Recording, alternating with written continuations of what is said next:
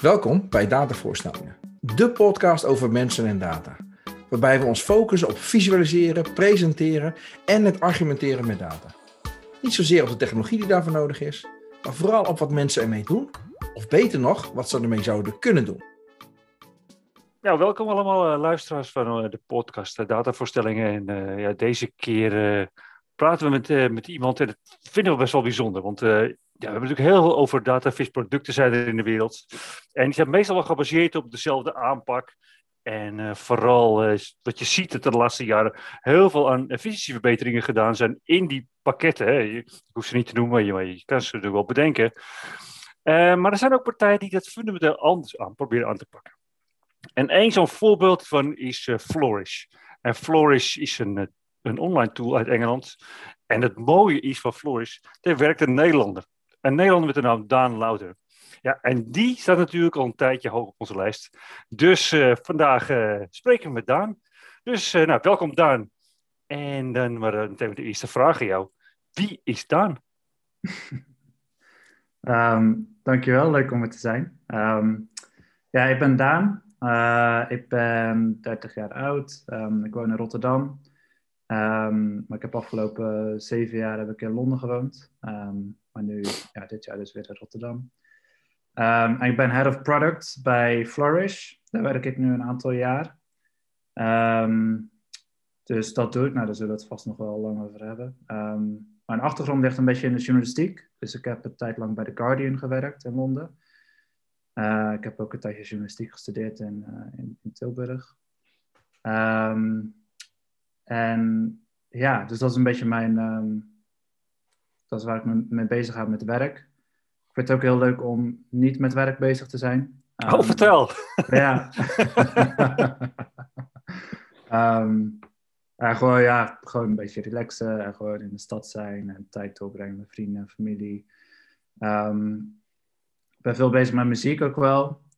Ik luister heel veel muziek, ik verzamel veel muziek, ik ontdek veel muziek. Ik maak het ook heel slecht, maar ik vind het wel leuk om een beetje mee bezig te zijn. Um, wat, wat voor muziek maak je dan? Wat voor soort... Uh...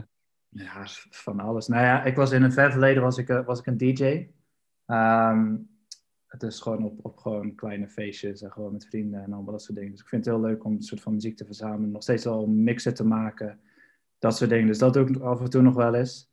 Als ik het maak, veel elektronisch vooral. Um, maar goed, daar uh, zou ik niet te veel van denken. Okay.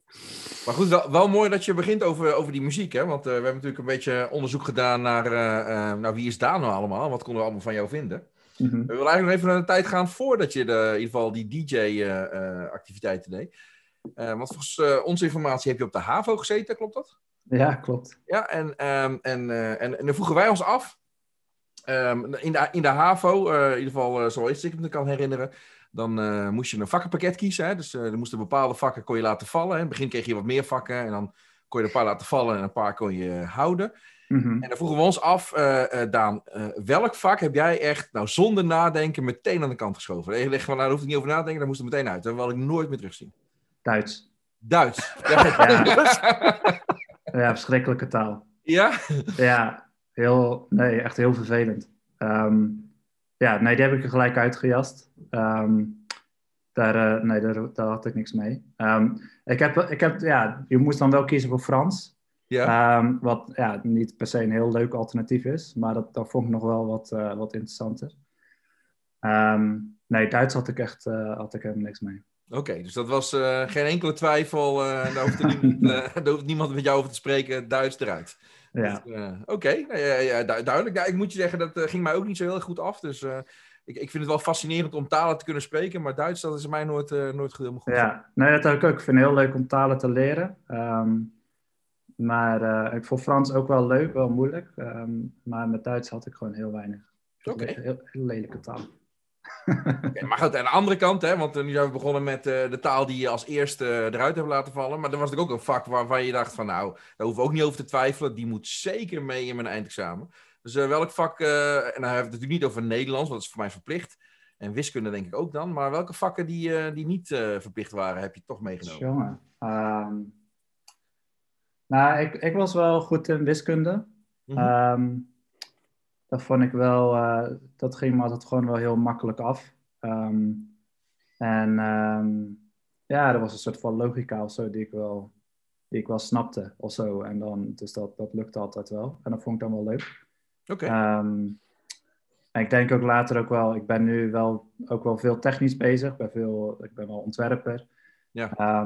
Maar ook wel veel aan, aan programmeren en coding. Ik denk dat je dat ook nog wel een beetje uh, terugziet daarin. Ja, nee, helemaal top. Helemaal goed. Eh, maar en dan, en dan uh, als we dan kijken, want dan, uh, als we kijken naar de mensen die we de afgelopen weken gesproken hebben, dan zitten daar wat filosofen tussen. We hebben volgens mij mensen gezien die, die voor sportleraren, gymleraar gingen en dat soort, zaken. Allemaal terechtgekomen in deze fascinerende wereld van datavisualisatie. Maar vandaag hebben we er echt eentje. Jij, hebt communicatie en multimedia design gestudeerd.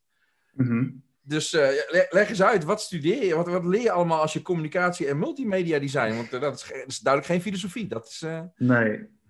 Um, ja, het is ongeveer de vaagste naam die je voor de studie kan bedenken, denk ik. Um, en ik denk, die studie was op, op veel vlakken ook best wel een beetje vaag. Um, ik denk, het, het ding wat ik er in ieder geval uit heb gehaald, of het, het grootste ding wat ik heb geleerd, is gewoon dingen maken voor het internet. Of dingen maken voor schermen. Um, dus daar zit veel ontwerp bij, daar zit veel, ja, ook wel een beetje technisch uh, deel bij. Um, en een belangrijk aspect daarvan, denk ik, is, is interactieontwerp. Uh, dus dat gaat over ontwerpen, maar het gaat niet per se over het visuele aspect van ontwerpen. Maar je gaat heel erg nadenken over hoe iemand jouw ontwerp gebruikt. Um, mm -hmm. En dat is een okay. term die meer uit industrieel ontwerp komt van, van hoe gebruik je gewoon een fysiek object. En daar wordt heel veel onderzoek naar gedaan en dat is een heel vak. Um, maar het is ook iets wat heel erg slaat op, um, op digitale producten. Dus op apps en websites. En, um, dus dat heb ik, uh, dat soort dingen heb, heb ik daar eigenlijk geleerd. En er waren nog wel andere vakken zoals marketing en zo. Maar daar had ik, daar had ik verder niet zo heel veel mee. hm. Het belangrijkste voor mij was om gewoon, ja, eigenlijk gewoon hele toffe dingen te kunnen maken voor, ja, voor het internet. En daarvoor wou ik gewoon leren ontwerpen en ik wou leren programmeren om, die, om ontwerpen ook te kunnen bouwen. Zeg maar. Ja, oké. Okay. En wat interessant is het, want wat je zegt hè, over schermen en interactiviteit en uh, UX-design. Kan je dan ook iets uitleggen, want er komt natuurlijk de grote stap, hè? Dan ben je klaar met je studie en dan doe je een, een super gave sollicitatie bij The Guardian. Kan je eens uitleggen ja, in ieder geval je gedachten erover. En ook even de luisteraars uitleggen wat je gemaakt hebt. We zullen trouwens in de, in de notes zullen eventjes je linkje naar jouw cv zetten. Maar kan je iets uitleggen erover? Hoe heb je het aangepakt en waarom? En, nou ja, dat is... ja, dus um, voordat ik die studie ging doen, heb ik een jaartje journalistiek gestudeerd in Tilburg. Mm -hmm. Wat heel interessant was, maar ik kwam er ook wel achter dat dat niet echt iets was voor mij. Uh, en ik werd veel enthousiaster van ja, gewoon ontwerpen en dingen, dingen bouwen uh, voor digitale media. Um, dus dat heb ik toen, ik heb toen dat uh, Communication Multimedia Design gestudeerd. Um, maar toen ik ging afstuderen, dacht ik van, ik was nog steeds wel heel erg geboeid door de journalistiek. Um, en het leek me heel tof om nu eigenlijk weer terug te gaan naar de journalistiek, maar nu naar de journalistiek als ontwerper. En als ontwerper kijken naar de journalistiek en kijken van, wat kan ik bijdragen? Wat, wat kan er anders? Mm-hmm. Um, hoe kan ik een soort van interessante rol spelen op een, op een redactie? Um, dus dat idee zat al een tijdje in mijn hoofd. En dat, bij die studie moest je op een gegeven moment afstuderen. Bij dat afstuderen hoorde een stage waar je dan een soort van onderzoek zou doen. En ik was de enige eigenlijk in mijn jaar of in die studie die daar een beetje mee bezig was. Dus ik had denk ik wel een beetje mijn mijn niche gevonden. Ik dacht van, hier, hier kan ik wel wat mee. Um, en toen ben ik een beetje na gaan denken van... Um, ja, misschien kan ik bij de NSC wel gaan werken. Die doen wel toffe dingen. Die hebben NSC Next. Die denken veel na over digitaal. En het, uh, daar werken slimme mensen. Um, en misschien kan ik daar als ontwerper de website gaan maken of wat dan ook. Dus dat, dat idee zat al een tijdje in, in mijn hoofd. Um, en toen praatte ik een keer met een uh, uh, leraar, uh, Jasper Schelling heet hij. en die zei van, waarom ga je niet gewoon de Guardian proberen? Oké. Okay. Ik dacht, wat? ja. hoe? En ik, ik, snap, ik, ja, ik, ik dacht van, ja, dat gaat nooit lukken. Maar op dat moment was er wel echt, ik, had, ik, ik werd zo enthousiast en ik dacht, had echt iets getriggerd, zeg maar. En dat was nog wel een tijdje voor, dus ik had nog wel tijd om over na te denken van hoe zou ik dat dan doen. Want ik was toen, ja, ik was gewoon student. Als je een beetje ontwerp doet, dan is, dan is een goed portfolio hebben is al belangrijk. En ja, je, je, hebt als student heb je niet per se een geweldig portfolio, want je bent veel bezig met schoolprojecten. Je mhm. bent gewoon nog niet heel erg goed. Ehm, dus ik dacht van ja, ik kan een hele goede brief schrijven. Ik kan mijn portfolio zo goed maken als ik, als ik wil. Maar daarmee ga ik niet soort van The Guardian overtuigen dat, dat ze mij moeten aannemen. Ehm, dus ehm, wat ik had gedaan is, ik had allereerst had ik gewoon een beetje gekeken van wat, wat speelt er bij The Guardian. En ik kwam erachter dat er bij The Guardian een interactive team uh, bestond. En dat was een team van developers, ontwerpers, maar ook animatoren die midden op de redactie zaten en samen met journalisten nadachten over ja, andere manieren van verhalen vertellen. Dus heel veel, heel veel datavisualisatie, maar het was ook wel ietsje breder dan dat. Weet je wel? Soms waren het grote multimedia projecten, soms waren het spelletjes zelfs. Ehm, en toen dat zag, dacht ik, oké, dit, dit is het. Weet je wel? Van dit, als, als ik iets wil doen, dan moet, ik, dan moet ik het gaan proberen. Ehm, dus toen um, heb ik Ehm, ja, ook wel samen met mijn vriendin eh, heb, ik, heb ik nagedacht van wat, wat zou ik kunnen maken. En ik dacht, ik moet iets speciaals maken. Een soort van uh, dat, dat hun aandacht uh, vangt. Dus toen heb ik een, een, een, website gemaakt. En eigenlijk een soort van interactieve cv.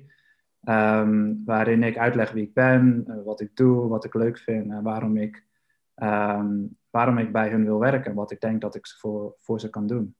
Um, en dat was een soort van lange pagina waar je naar beneden scrolt. Um, en op een gegeven moment kom, heb je een foto van mij. En terwijl je scrolt gebeuren er allerlei rare dingen met mij. Het was een soort van parallax website wat toen heel erg in was. Mhm. Als je nu ziet, als je nu ziet het ziet er niet uit. En, uh, het werkt helemaal niet zo goed op mobiel en zo. En, maar toen, toen was er een andere standaard. En, um, en die website had ik gemaakt en ik vond het compleet ruk. Ik vond het echt helemaal niet mooi. En, uh, maar ik dacht, ik ga het gewoon proberen. Ehm, en ik had sneaky, op een of andere manier had ik uh, via Twitter of zo, had ik alle leden van het team, had ik wel een beetje kunnen vinden. Uh, en ik had gewoon een e-mailadres, had ik gegokt. En ik had naar ieder lid van het team, individueel, had ik een mailtje gestuurd. Uh, ik zeg van, hey, ik wil voor jullie werken. Um, met de link naar, naar die website. dus ik had een mailtje had ik gestuurd naar, naar alle um, leden van het team. Ehm, van hey, ik wil voor jullie werken en hier is, hier is, de, hier is de website. Um, en binnen vijf minuten kreeg ik al een mailtje terug uh, van een van die leden. Zeg van, dit is geweldig en uh, wanneer kan je beginnen? Nee! ja, wow. dus, um, dus wow, dat, was, ja. dat, was, heel leuk. En toen, uh, toen werd het nog gekker eigenlijk, want toen, ik had één tweet geplaatst en ik had gewoon gezegd van, hey Guardian, I want to work for you, met die link. Um, en de volgende dag ging die super viral. Dus echt duizenden mensen op Twitter hadden dat gedeeld. Ik had aan het eind van de dag had ik 12.000 uh, page views op die wow. um, ding. Um, en hij werd dus ook binnen The Guardian. Ik had Google Analytics had ik erop staan. Dus op een gegeven moment, eerst was het een stipje die vooral in Nederland verspreidde. Uh, terwijl mensen het er gingen retweeten. En op een gegeven moment zag ik een steeds groter stipje in Londen groter worden. En blijkbaar had iemand het gewoon intern gemaild naar iedereen. En, um, en zo, dus ja, dat was een super overtuigende manier. En toen een week later um, ging ik naar Londen voor een sollicitatiegesprek. Werd ik echt, ja, ging met iedereen praten. Aan het eind van de dag zat ik op, zat ik op een kantoortje met uh, Ian Katz. Dat was toen de, de hoofdredacteur van Londen. Mm -hmm. zat te praten in mijn, in steenkolen Engels, een beetje heel zenuwachtig te vertellen. En toen, zei, toen liep Alan Rusbridge, de, de opperbaas, uh, liep langs. Dus, hey, Alan, kom in, kom in. En uh, zat hij er ook nog. En was, was, ja, was echt bizar als ik er nu over nadenk. Um, ja, en toen, ja, toen um, had, ik, had ik die baan. Dus heb ik dat een paar ja, een paar maanden gedaan, stage. Uh, ik moest wel ook nog een soort van onderzoek doen. Dat onderzoek ging er dus over van hoe kunnen journalisten uh, verhalen op een andere manier vertellen. En dat ging er dus ook wel een beetje over van wat dit team doet. Eigenlijk zou de journalist dat zelf ook moeten kunnen, zonder Oh, developers of ontwerpers nodig eh, te hebben. Zowel op het technisch vlak, maar ook een beetje qua conceptueel. Dat je niet altijd maar een artikel denkt, dit is de beste manier. Maar dat je ook een soort van, als journalist eigenlijk een beetje een breder palet hebt van, van, van vertelvormen, zeg maar. Ehm, dus dat heb ik toen gedaan en toen daarna eh, afgestudeerd. En toen heb ik, eh, eh, heb ik daar een baan gekregen. Dus Geweldig. Tof man, wat een mooi verhaal. ja, Ja. ja, ik geloof het soms ook niet eens meer. Van, dat, was, dat was echt geweldig.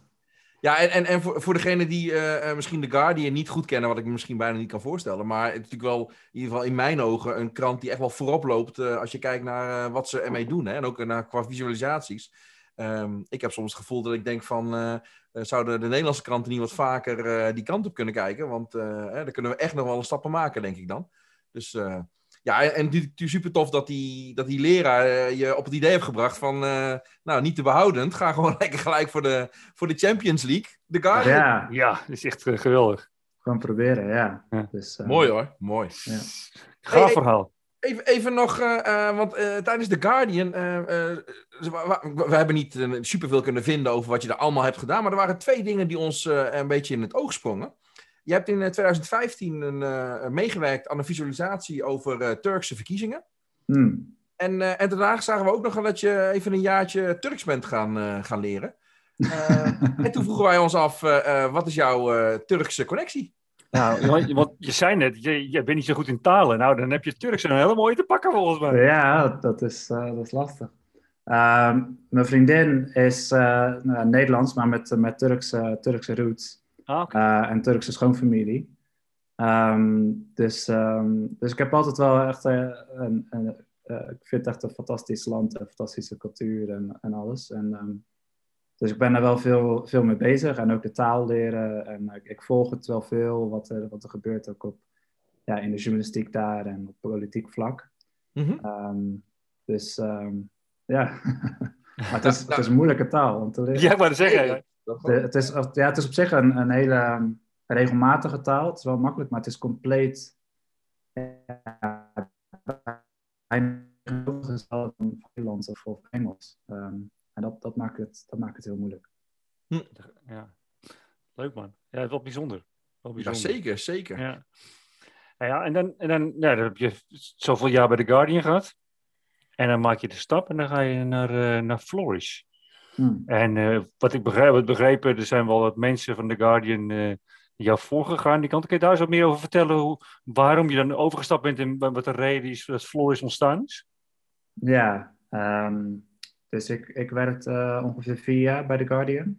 Mhm. Ehm, totdat ik een keer een mailtje kreeg van Duncan Clark, ehm, de oprichter van Kiln. En Kiln is een redelijk succesvol ehm, data visualisatie agency. Ehm, dus eh, zij deden gewoon in opdracht van bedrijven, maakten ze grote data visualisatieprojecten. Ehm, redelijk bekend ook. Dus ze hebben ehm, ShipMap, dat gewoon alle eh, cargo ships visualiseert op een dag. Die, die heeft heel veel aandacht gekregen. Mhm. Nog, nog een aantal andere dingen. Zij werkte vaak voor The Guardian ook. En zij deden eigenlijk eh, heel veel projecten en dat ging heel erg goed. Maar zij dacht ook van ja, we werken telkens opnieuw voor deze klanten. Ehm, iedere keer beginnen we weer opnieuw. Er is veel vraag naar dit soort dingen. Zou het niet, zou het niet veel handiger zijn als we een soort van tool gaan maken en die kunnen aanbieden dat mensen dit soort projecten zelf kunnen doen? Want er zijn natuurlijk best wel tools om een soort van basis, eh, basic grafiekjes eh, te maken, basic kaartjes. Maar er is een, hele groot, er is een heel groot gat tussen eh, basic grafiekjes en echt hele mooie, rijke, animerende visualisaties zoals wij die maken of zoals andere agencies die maken. Mhm. Ehm, en dat was een beetje het idee voor Flourish. Ehm, en zij hebben toen volgens mij een half jaar ehm, tijd opzij gezet om een soort van proof of concept te maken van Flourish. Dus, zij, dus dat deden ze in, in Kiln-tijd. Daarvoor werkten ze dus allebei bij The Guardian. Ehm, en toen dat wel redelijk succesvol was, toen op een gegeven moment hebben ze dus een, een, een kleine investering gekregen. Ehm, en toen gingen ze kijken van nou, wie, moeten we, wie moeten we aannemen. Um, uh, bij het, wie moeten we bij het team uh, aannemen. En Ja. omdat ik Duncan wel een beetje kende en vooral via The Guardian hadden we veel gedeelde connecties, Ehm, kwamen ze bij mij uit. Ehm, dus dat was, wel, dat was compleet anders, weet je wel. Bij The Guardian werk, of werk je met ja, honderden mensen. Je werkt met eh, redacteuren. De ene, ene, ene dag werk je op de, met de buitenlandredactie. Dan is het met sport. Dan is het met een multimedia team. Ehm, en nu waren het gewoon twee beetje excentrieke Britten die vragen of je bij ze wil komen werken. Oh, je was ook letterlijk nummer drie? Ja, ik was de eerste, eerste werknemer. Oké, kijk. naar de, naar de founders. Dus, ehm, dus ja, dus dat, ergens was het een beetje gok, maar ik had ook wel direct een goed gevoel. En het waren echt, ja, ook gewoon hele slimme gasten, die ik persoonlijk dus ook wel een beetje, ehm, een beetje kende. Mhm. Dus dat voelde wel als een goede stap. Ehm, de, ja, The Guardian was echt geweldig en ik heb daar zo'n goede ervaring gehad. Maar het is ook niet een natuurlijke omgeving voor een ontwerper of een programmeur. Dus op een gegeven moment loop je toch een beetje wel tegen een limiet aan dat je eh, weer een beetje hetzelfde aan het doen was. Dus ehm, dat voelde eigenlijk wel als een soort van nieuw avontuur. En ook, ja, ik was ook in Londen. Ik wist dat ik niet voor altijd in Londen zou blijven. Dus, dus dan maak je misschien wat sneller dat soort keuzes. Dat je gewoon denkt, van, ik ga het gewoon doen. En, eh, Ja. Wordt het niks, dan wordt het niks en dan kunnen we alweer verder kijken. Precies. Ja. Dus, ehm, dus dat, was, eh, dat, was, ja, dat was heel leuk. Maar ja, ik, ik begon daar en ze hadden dus een prototype die nog niet openbaar was. Ja. Ehm, ik begon daar de eerste week. Hadden we dan al aan het eind van de week een presentatie voor een hele grote groep developers. Ehm, en gelijk was nog niks klaar. Dus we moesten eerst nog een website maken waar mensen zich konden aanmelden. Hm. Ehm, dus dat heel snel eruit gehaald. Daarna eh, bezig houden direct met het eh, soort van herontwerpen van de hele interface. Want zij zijn allebei best wel technisch, maar zijn niet per se ontwerpers. Dus, eh, Ja. dus daar ben ik toen mee bezig geweest. Dus ja, gelijk wel een beetje in het diepe gegooid. En ehm, echt met van alles, alles soort dingen bezig geweest. Bij alles betrokken. Dus dat was wel, ja, dat was, dat was wel heel erg leuk. Top. Echt, echt een manager van alles dus bij het begin. Ja, zeker. En dat is volgens mij ook wel heel gebruikelijk bij die start-ups of zo van aan het begin. Ja, is precies. het gewoon alles. Want eh, Ja. op een gegeven moment zijn we dus wel gelanceerd. En toen ben ik veel meer weer de, de journalistieke kant op gegaan. Om vooral met heel veel nieuwsorganisaties te werken. Om hun te trainen in Flourish. Ehm, en Oh, ik heb weer een soort van workshops gedaan en demo's en dat soort dingen. Dus aan het begin was gewoon alles, eh, alles nodig eigenlijk. Ehm, Ja. Hey, en, en, en, eh, en nu, hè? wat doe je dan nu bij Flourish? Dus als, eh, als nu iemand eh, bij Flourish binnenkomt en, en Daan sch- schudt de hand, als het weer mag zo meteen, ja. Wat vertel je dan? Ehm goeie vraag. Eh, dus ben, mijn titel is Head of Product, dat is nog redelijk recent. Ehm, en in principe betekent het dat ik soort van verantwoordelijk ben voor dat we, dat we gewoon zorgen dat we een goed product hebben, dat, dat Flourish goed werkt en dat, het, dat we goede keuzes maken over wat we willen doen, wie we willen zijn, waar we naartoe willen. Ehm, en gewoon nadenken over nieuwe features eh, die we willen toevoegen nadenken over hoe we de bestaande tool willen verbeteren. Ehm, dus daar ben ik veel mee bezig. Ehm, dus dat zijn een beetje de grotere planning en roadmap dingen. Maar Ja. het is ook wel gewoon, het is alsnog best een klein team. Dus ik ben ook gewoon nog heel erg bezig met gewoon dingen ontwerpen en dingen bouwen en samenwerken met mijn collega's Hm. ehm, daaraan. Dus eigenlijk is nog steeds een beetje van alles. Oké. Ehm, ehm, maar ja, ja, wel echt heel erg leuk. Hey, en en, en ehm, je vertelde in het begin al, of in ieder geval net al, dat, eh, dat ehm, eh, nou, in tegenstelling tot eh, heel veel van de producten die standaard grafieken en, en tabellen en, en dus, rapporten daarmee maken, dat jullie aanpak daar wel anders is. En Ben begon er ook al over. Voor de mensen die nog nooit Flourish hebben gezien, dat gaan ze natuurlijk allemaal bekijken zometeen, maar die dat nog niet hebben gezien, wat, wat, maakt Flourish dan zo bijzonder? Ehm, ik denk, er zijn een aantal dingen. Dus ik denk, ik denk, wat ik dus eerder heb gezegd, van het gaat ietsje verder dan de, de basic grafiekjes en kaarten. Uh, dus het is mogelijk om uh, echt hele rijke visualisaties te maken, waar je misschien wel honderdduizenden uh, datapunten kunt visualiseren. Um, maar ook een soort van extra soort van interactielaag aan die visualisatie kan toevoegen, zodat, als, ik bedoel, het is niet altijd nodig, maar als het nodig is dat je als um, gebruiker of als iemand die die visualisatie maakt, ook nog die data kan. Um, wat is het Nederlandse woord? Uh, maar ook het Engels hoor.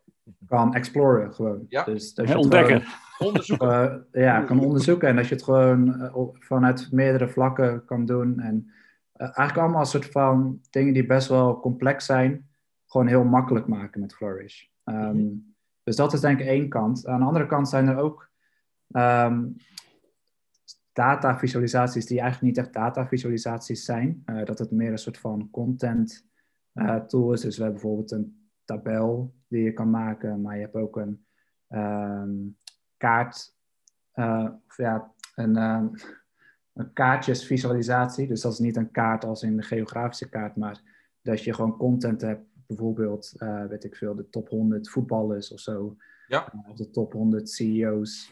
Uh, uiteindelijk is dat ook een dataset. Van, uh, het is misschien iets meer kwalitatief. Je hebt, een, je hebt een foto van iemand, je hebt een naam, je hebt Ja. wat statistieken. Ehm, en uiteindelijk wil je die op een visuele manier ehm, eh, presenteren. Dus, dus dat soort dingen kan je ook maken in Flourish. Dat is technisch gezien misschien niet echt een datavisualisatie. Ouderwetse kaartenbak is dat dus. Ja, ja precies. Ja, ja, ja. Nee, je Ah. weet het lekker te brengen, Ben. In Ehm, mijn tijd heette het de kaartenbak.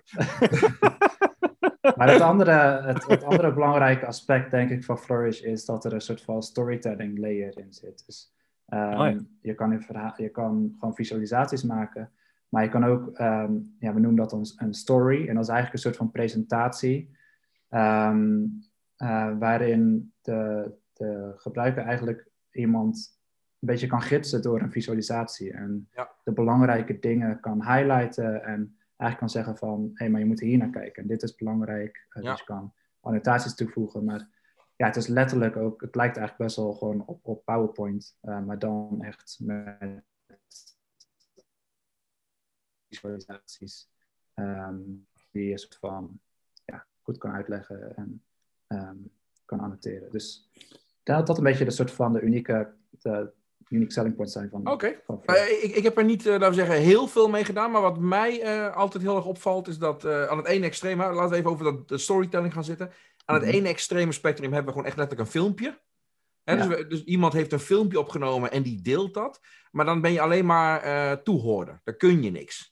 Mhm. Aan de andere kant hebben we misschien een of ander eh, eh, eh, dashboard of rapport waar ik alles nog kan veranderen. Bij wijze van spreken, ik heb een draaitabel in Excel, laten we dat, dat, zoiets zeggen. Daar mag ik alles nog mee doen. En wat ik heel mooi vond aan Flourish, of wat ik heel mooi vind aan Flourish, is dat ik het gevoel heb dat je me dat filmpje geeft, maar dat ik op elk moment kan besluiten, oh maar wacht even, dan wil ik ook even kijken wat daar gebeurt. Ja, ja, ja. Dus ik kan, ik kan op dat moment zelf daarmee aan de slag. Ik heb wat voorbeelden ook gezien hè, over dat, dat er dat zeggen, door de kaart gereisd wordt en dan van de ene naar de andere kant wordt gesprongen. Maar alles is nog steeds interactief. Dus ik kan nog steeds zeggen van, oh, wacht even. Ja, jij hebt het nu al over eh, nou, Rotterdam en omgeving. Maar ik zag je ook even langs Utrecht vliegen. En ik wil ook even kijken hoe het bij Utrecht zit. En dat Precies. kan dan. En, eh, en dat vond ik op zich wel een fascinerend iets. Hè? Dus je kunt, laten we zeggen, een guided story eh, vertellen. Maar de persoon die het ontvangt, kan op dat moment ook zelf besluiten van... Ja, nee, dat is leuk, maar ik wil dit ook nog. Ja, En, en nou, bij mij weten, maar dat is, eh, dat is mijn beperkte blik op deze wereld... eh, eh, dat heb ik nog niet op andere dingen gezien. Ik vind het echt wel iets unieks. Dat zie je niet zomaar, eh, laten we zeggen, terug eh, in de draaitabel van Excel. Om het zo even te... nee. En wat het wel het mooie, want je hebt het over de draaitabel in Excel. Je kan een draaitabel in Excel pakken en gewoon erin plakken. En dan heb je je visualisatie. Dat is, dat, en dat is wel een zeer inter, een makkelijke manier, eh, non-coding eh, visualization misschien wel eens noemen. Dat vond ik echt fantastisch, want je plakt er gewoon een tabelletje in en de visualisatie doet het. En dan moet je natuurlijk daarna wel een beetje tweaken en tunen. Maar je, je plakt gewoon met rijen en kolommen erin en dat doet het. Ja, dat is Ja. echt, echt, voor echt super. Ja. Hey, en, Nou, eh, maar, dat, maar dat is wat, we- waar we nu staan, hè? Maar kun je ons ook iets vertellen? Waar, waar gaat, wat gaat Floris heen? Wat, eh, wat zijn jullie ideeën? Eh, voor zover je dat mag delen natuurlijk, hè? Dat is altijd weer... eh, Nee, tuurlijk. Ehm, ja, wel heel veel. Dus het, is, het, gaat, het gaat sowieso heel goed met Flourish. Dus we zijn echt wel lekker bezig. Dus ja, toen ik begon was ik dus de eerste werknemer. We zijn nu een team van... ehm, volgens mij zijn we nu 22 mensen. Maar dat weet ik al niet eens meer. Want het zou alweer meer eh, kunnen zijn. Dus we zijn best wel hard aan het groeien ook. Ja. Ehm, dus dat is, dat is heel leuk. Ehm, en er gaat veel gebeuren. Ik denk sowieso. ehm, dus binnen Forest kan je, kan je templates kiezen. Dus bepaalde visualisatie templates. En dat is een soort van ecosysteem binnen Forest die eigenlijk constant heel actief is. Dus bijna iedere dag hebben we wel nieuwe updates daarvoor. En zijn we ook aan het nadenken van wat voor visualisatietypen willen we nog meer toevoegen. Dus dat is eigenlijk een soort van ongoing proces. Eén ding waar ik zelf heel enthousiast over ben, is dat we, eh, dat we een tijdlijnvisualisatie willen toevoegen, die eigenlijk heel breed kan zijn. Dus het kan een hele simpele tijdlijn zijn. Het kan ook een, eh, een hele volle, soort van mooie visuele tijdlijn. Ehm, dat, Wat, bedoel je met een tijdlijn? Horizontaal of verticaal? Dat je kan scrollen doorheen? Of hoe, Ja, zie je jij, het? dan mag jij kiezen dan. Oh, oké. Ehm, uiteindelijk maken we templates en we proberen alle templates zo customizable te maken dat je gewoon echt je eigen draai eraan kan geven. En hopelijk dat, je, dat het uiteindelijk niet eh, zichtbaar is dat je het met Flourish hebt gemaakt. Dat het echt je eigen productie is. Zeg maar. Dus Kijk, mijn eigen, eigen cv maken op de download manier. ja, precies. Ah, goed idee eigenlijk. Een nieuwe versie. Ja. Ehm, maar verder, ehm, ik denk één groot thema waar we wel mee bezig zijn, is dat uiteindelijk willen we het gewoon super makkelijk maken voor mensen die een dataset hebben om het in Flourish te gooien. En ehm, wat, Bennett zegt, ehm, met een beetje tweaken in Excel kan je het, kan je kan het erin gooien en, en dan werkt het. En misschien moet je het nog wel een beetje aanpassen hier en daar. Ehm, dat is een redelijk ideaal scenario, maar dat is nog niet overal zo. En we willen eigenlijk die stap van ik heb een dataset naar een, een hele mooie visualisatie, die willen we eigenlijk veel lichter maken. En dat is aan de ene kant betekent dat gewoon de interface makkelijker, mak, makkelijker maken en makkelijker maken om je data een beetje aan te passen. Maar het is ook ergens wel een manier voor Flourish om een beetje mee te denken met je. Om te kijken van, oké, deze dataset, wat voor visualisatietypen zouden, zouden goed bij deze dataset kunnen passen? Ehm, wat, hoe je het ontwerp misschien nog kunnen aanpassen dat het effectiever is? Of, of, of wat werkt misschien uh, goed en, en minder goed? Um, en dat is wel een heel thema um, waar we op zich wel uh, mee bezig zijn. en waar we, waar, we, ja, dat, waar we ook wel de komende tijd in ieder geval uh, nog, nog veel beter in willen worden. Oké. Okay. Dus dan wil je het eigenlijk omdraaien. Dat je zegt, ik heb hier een dataset. En dat jullie dan een voorstel doen van, nou, volgens mij moet je, kan je dit ermee doen. En zou dit goed passen bij de data die je erin hebt? Ja, nee, dat is eigenlijk wat ik bedoelde. Ja. Ja, okay. dus um, uiteindelijk zou ik willen dat Flourish gewoon één knop is. Um, niet eens een knop, je gooit gewoon je dataset erop en uh, klaar. maar er zitten wel wat stappen terug. Er zitten natuurlijk uh, wel wat stappen tussen, maar oh, ja. um, even, even bij, bij, wijze van spreken. Maar dat, ja, ja, dat, dat eigenlijk Flourish gewoon al heel veel voor je kan doen. Ja. Nou, is hier al de stip op de horizon. Ja, precies. Wat, wat ik me dan wel afvraag is, want dan hebben we, laten we zeggen, de, vanuit de inputzijde, nou, als het dan kan, hè, dan zou het nog wel kunnen. Maar wat we dan wel missen is natuurlijk, uh, maar wat is eigenlijk precies de boodschap? Of wat is eigenlijk ons doel? En, hmm. en die hebben we dan nog niet in Flourish zitten. Dus, dus hè, de, de één knop uh, benadering zou wel werken vanuit uh, de data. Hè, wat voor type data is het en wat kun je daarmee? Maar we weten nog niet zo goed wat, wat nou precies de boodschap is. Of wat mensen ermee willen gaan doen. Nee. Hoe, hoe ga je dat dan uh, daarin brengen? Uh, of, uh... Ja, dus sowieso dat, dat één knopding is, is natuurlijk overdreven. Maar um, er zitten heel, heel, veel nuances in die je, die je eerst nog moet, moet doorheen moet voordat je een goede visualisatie hebt. Maar um, ik denk aan de ene kant is dat misschien iets wat je al weet voordat je flourishing gaat natuurlijk. Van je weet, je hebt al een soort van een headline in gedachten of je hebt al een soort van verhaal in gedachten. Ehm, op dit moment zijn er denk ik ook wat tools die beter in zijn om soort van die verhalen uit die data te krijgen. Dat is, daar is Forest niet helemaal voor. Uh, maar ik denk wel dat Forest dat wel kan worden. En stel dat je je dataset uploadt en eigenlijk heb je al een soort van, je krijgt al samenvattingen en er zijn snelle manieren om even te kijken hoe het werkt als je deze column um, visualiseert of deze column. Um, of wat gebeurt er als je deze um, combineert of zo. En uiteindelijk is dat wel een menselijk proces. Maar als first signer wil je dat wel zo goed mogelijk en zo makkelijk mogelijk faciliteren. Uh, Dat het eigenlijk een soort van heel speels proces wordt. Ja. dus dat je ook echt explore kan gaan doen in uh, met data in Flourish. Ja, dus we hebben, we hebben ook wel een Data Explorer template. Um, die nog niet uh, volledig openbaar beschikbaar is. Um, met het idee van eigenlijk kan je zoveel mogelijk gewoon. Het maakt niet, niet eens heel erg uit wat voor vorm je data heeft. Um, maar je gooit het er gewoon in. En Voice probeert er iets van te maken. en daarna heb je gewoon heel veel controls. Dat je het gewoon kan slicen en dicen zoals je, zoals je zelf wil, zeg maar. Om, om er een beetje achter te komen van wat nou de interessante dingen zijn in je data. Oké. Hey, en, en, als je dan kijkt naar die, uh, wat, wat, jullie komen dus, uh, nou ja, laten we zeggen, vanuit uh, de mediawereld, The Guardian. Um, is dat, um, want dat noemde je ook al eerder, is dat ook nog steeds jullie belangrijkste doelgroep? Dus de mensen die in de media iets mee moeten maken? Of is het al inmiddels niet meer zo? Nee, dat is niet zo. En dat is ook wel goed, anders zouden we denk ik heel weinig geld verdienen. want het is moeilijk, ja, daar, zit natuurlijk niet helemaal het geld. Dus dus we komen, we komen wel uit de media. We hebben ook wel ons hart in, in, in de media. En zeker ik en ook wel andere mensen vinden het heel belangrijk dat dit soort tools beschikbaar zijn voor journalisten. En journalisten letterlijk over de hele wereld. Mhm. Ehm, die anders misschien niet de middelen hebben om dit soort dingen te kunnen doen.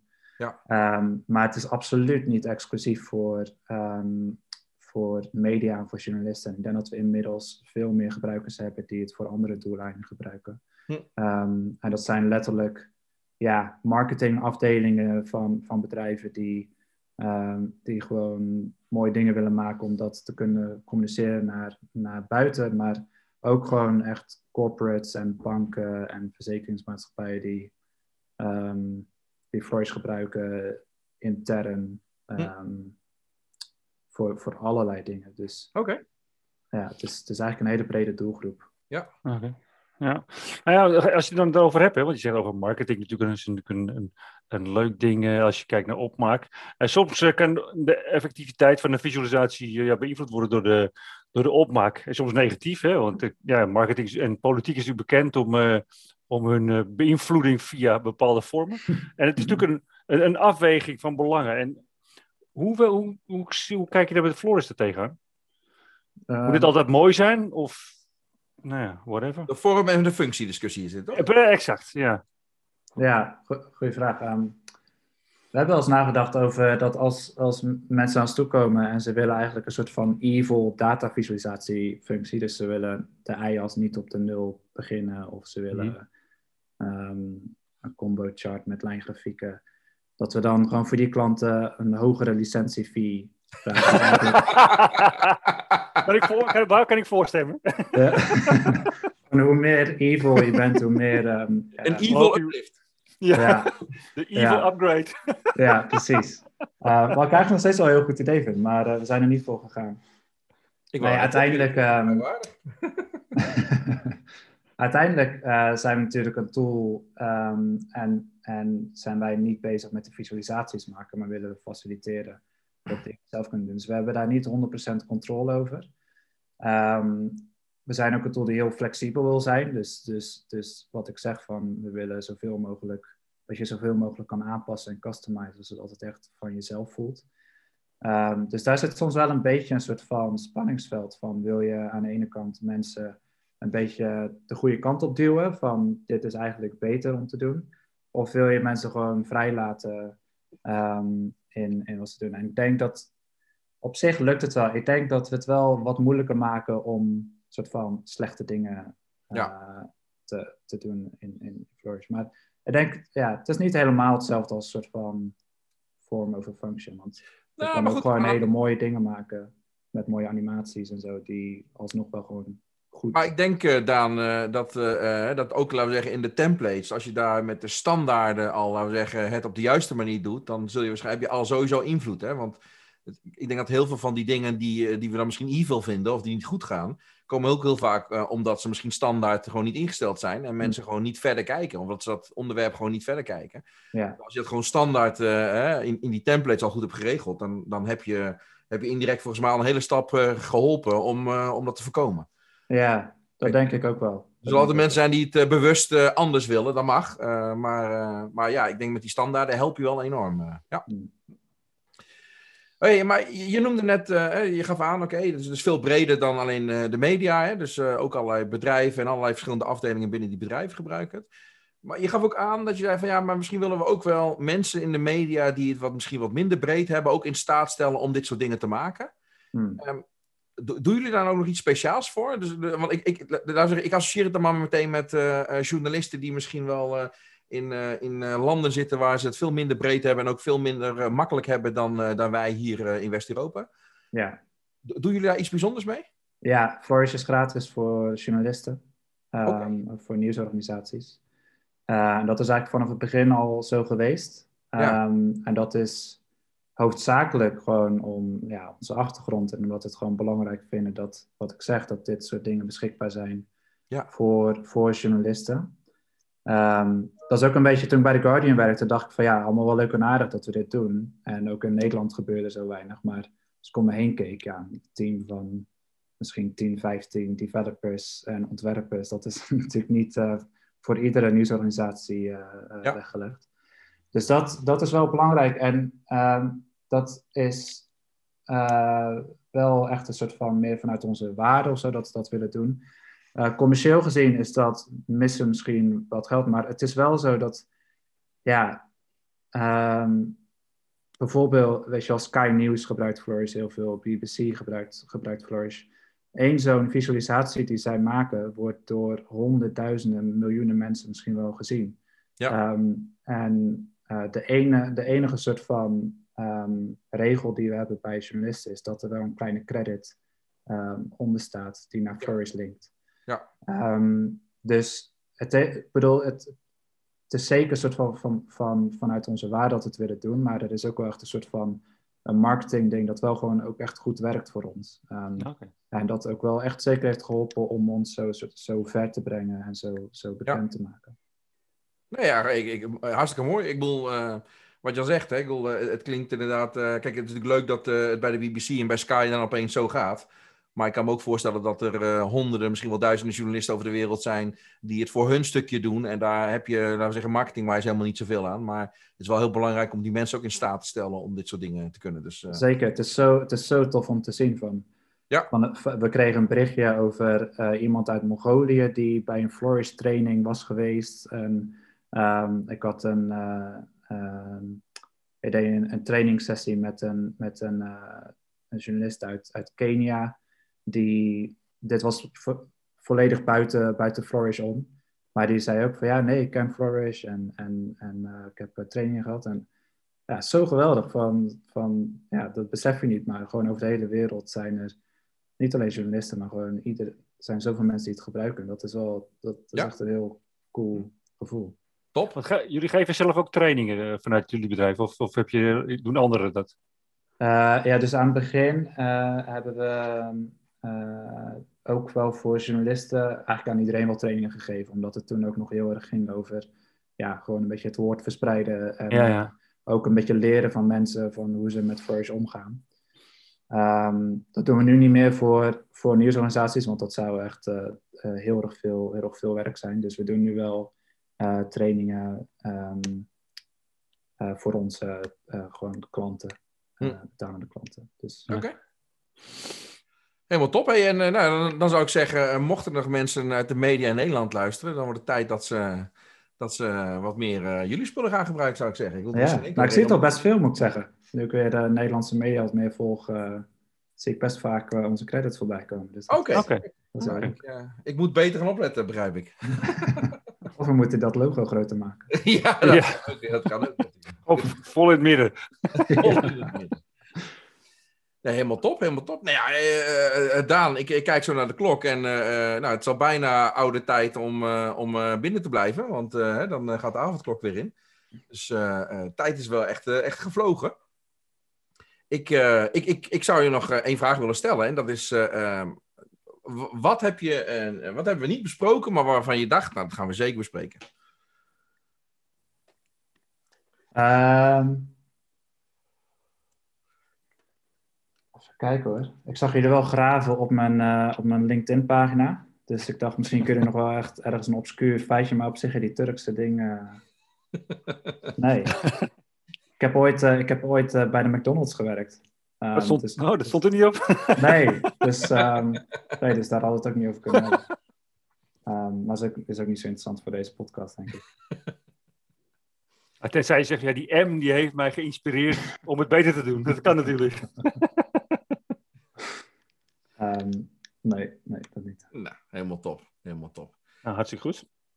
Nou, dan, eh, dan Daan, eh, hartstikke bedankt voor, eh, voor, eh, voor dit gesprek. Ja, Hopelijk eh, mogen we snel weer, eh, zoals ik het noem, buiten spelen. En eh, kunnen we elkaar weer eens een keer in het echt zien. En eh, er zijn natuurlijk genoeg eh, activiteiten die, eh, die dan allemaal los gaan komen. En eh, dus tot een volgende keer. En eh, nou, ik zou zeggen, ga zo door. En eh, geweldig om te horen hoe jij, eh, hoe jij die reis hebt gemaakt van, eh, van de krant naar Flourish. En, eh, en inclusief eh, de, de, de sollicitatie bij, bij, bij The Guardian. En zoals Ben al zei, we gaan hem zeker nog even delen met mensen. Want jij vindt hem misschien niet meer om aan te zien. Hè? Je hebt hem misschien te vaak gezien. Maar ik vond het echt een geniale zet. Ik, ik, ik heb wel echt een grote glimlach op mijn gezicht gehad toen ik die zag. Jeetje, wat een geweldige zet. Dus top gedaan. Ja. Nou, superleuk om, te, om, om hier te zijn. En eh, hartstikke bedankt. Oké. Oké, dankjewel. Oké, doei.